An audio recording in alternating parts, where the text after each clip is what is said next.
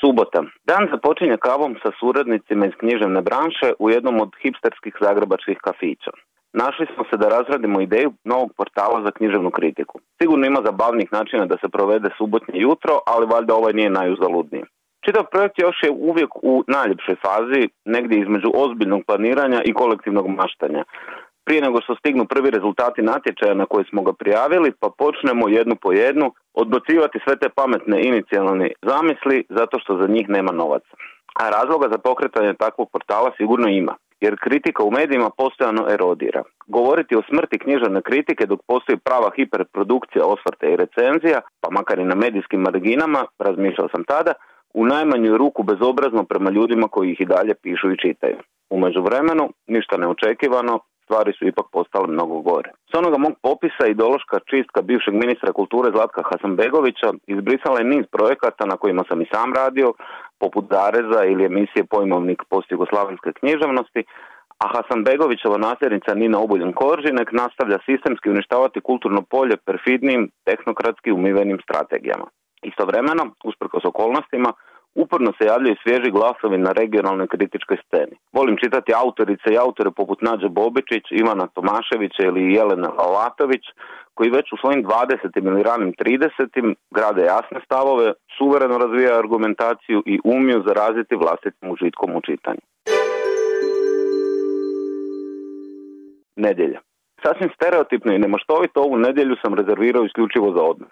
Stišavam mobitel, ignoriram mailove. Vikend obično na grizu sitni poslovi i obaveze, ali danas ima smisla uhvatiti daha, jer će čitav idući tjedan progutati izlazak hiljaritog broja novosti. 19 godina redovnog izlaženja, od kojih sam prvo kao vanjski suradnik, a kasnije kao urednik u ekipi proveo solidnih osam, dovoljan je povod za slavlje, ali i za žešći radni ritam. Pripremamo specijalni jubilarni broj skoro dvostruko obsežniji od onih standardnih, a u petak nas čeka i tribina u Hrvatskom novinarskom društvu na kojoj će govoriti bivši i sadašnji urednici, novinari, Milorad Pupovac, Nadežda Čačinović, predsjednik KND-a Hrvoj Zovko i drugi. Generalni utisak, sada kada smo odmotali kompletnu 19-godišnju putanju u arhivskom retrovizoru, je da list stalno raste.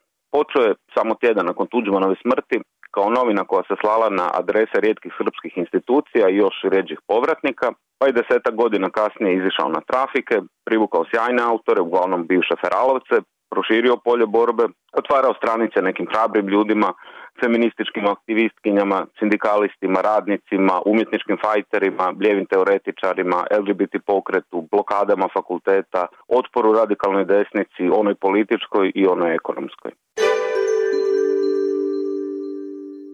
Ponedjeljak.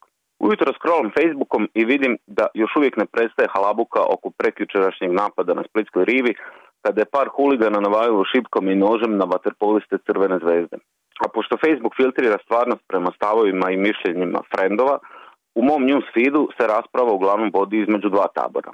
Na jednoj strani su oni koji se zgražaju nad nacionalizmom, divljaštvom i zatucanošću, na drugoj oni koji objašnjavaju da se napad ne može svesti samo na to, da navijački huliganizam ima i svoj kontekst o kojem se uglavnom ne govori. Prvi su uvjereni da ovi drugi relativiziraju nasilje, drugi da oni prvi ne shvaćaju njegove uzroke. Sumnjam da se o subotnjem napadu može reći nešto suvislo bez poznavanja huliganske subkulture, bez razumijevanja veze između potpune infrastrukturne devastacije Splita posljednjih godina i paralelnog jačanja utjecaja navijača, ali i bez svijesti da na huliganskim ispadima političku moć grade neke daleko opasnije pojave. Utorak.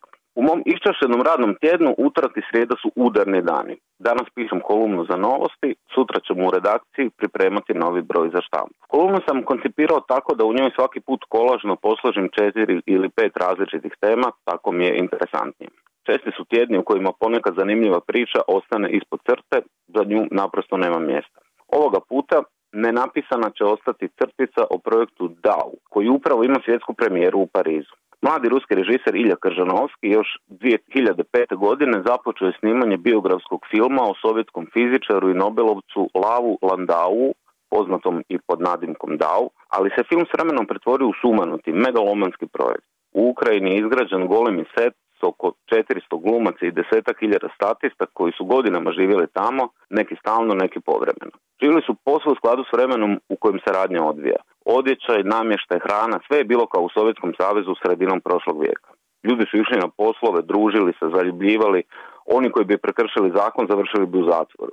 Bio je to istovremeno filmski set, kolektivni performans i nevjerojatan socijalni eksperiment. Nešto kao soci-reality show.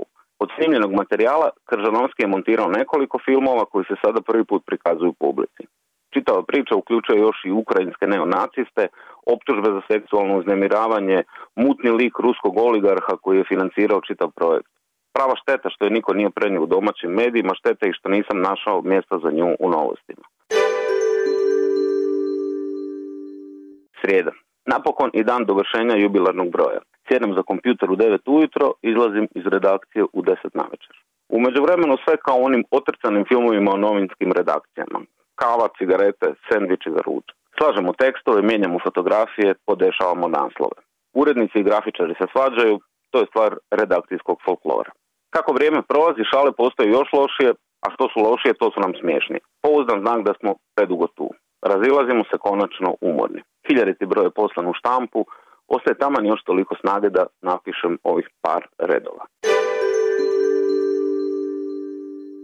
Četvrtak. Nakon što smo jučer završili s kulturnom nadgradnjom, danas se vraćamo problemima materijalne baze. Treba organizirati sutrašnju tribinu. Nas nekoliko za to vrijeme pripremamo dvoranu Hrvatskog novinarskog društva, kačimo plakate s naslovnicama novosti po zidovima, premještamo stolove i stolice. S mobitela svira muzika i crtića, a je to jedini odgovarajući soundtrack za ovakvu akciju. Oprezniji provjeravaju jesmo li ipak trebali pozvati policiju za slučaj da se pojavi neko od onih likova koji su svojevremeno spaljivali primjerke novosti ispred redakcije. Na izlasku gledam veliku praznu dvoranu s neočekivano uspješno posloženim stolovima i stolicama. Sutra će biti puna dobrih i dragih lica. Dobar je to osjećaj stvarati novine čije čitaoce voliš vidjeti i želiš upoznati. Petak. Tjedan koji mi od prvoga do zadnjeg dana obilježio hiljaditi broj novosti, dokotrljao se evo do kraja. Poslije podne se nalazimo u novinarskom društvu, nakon toga slavlje.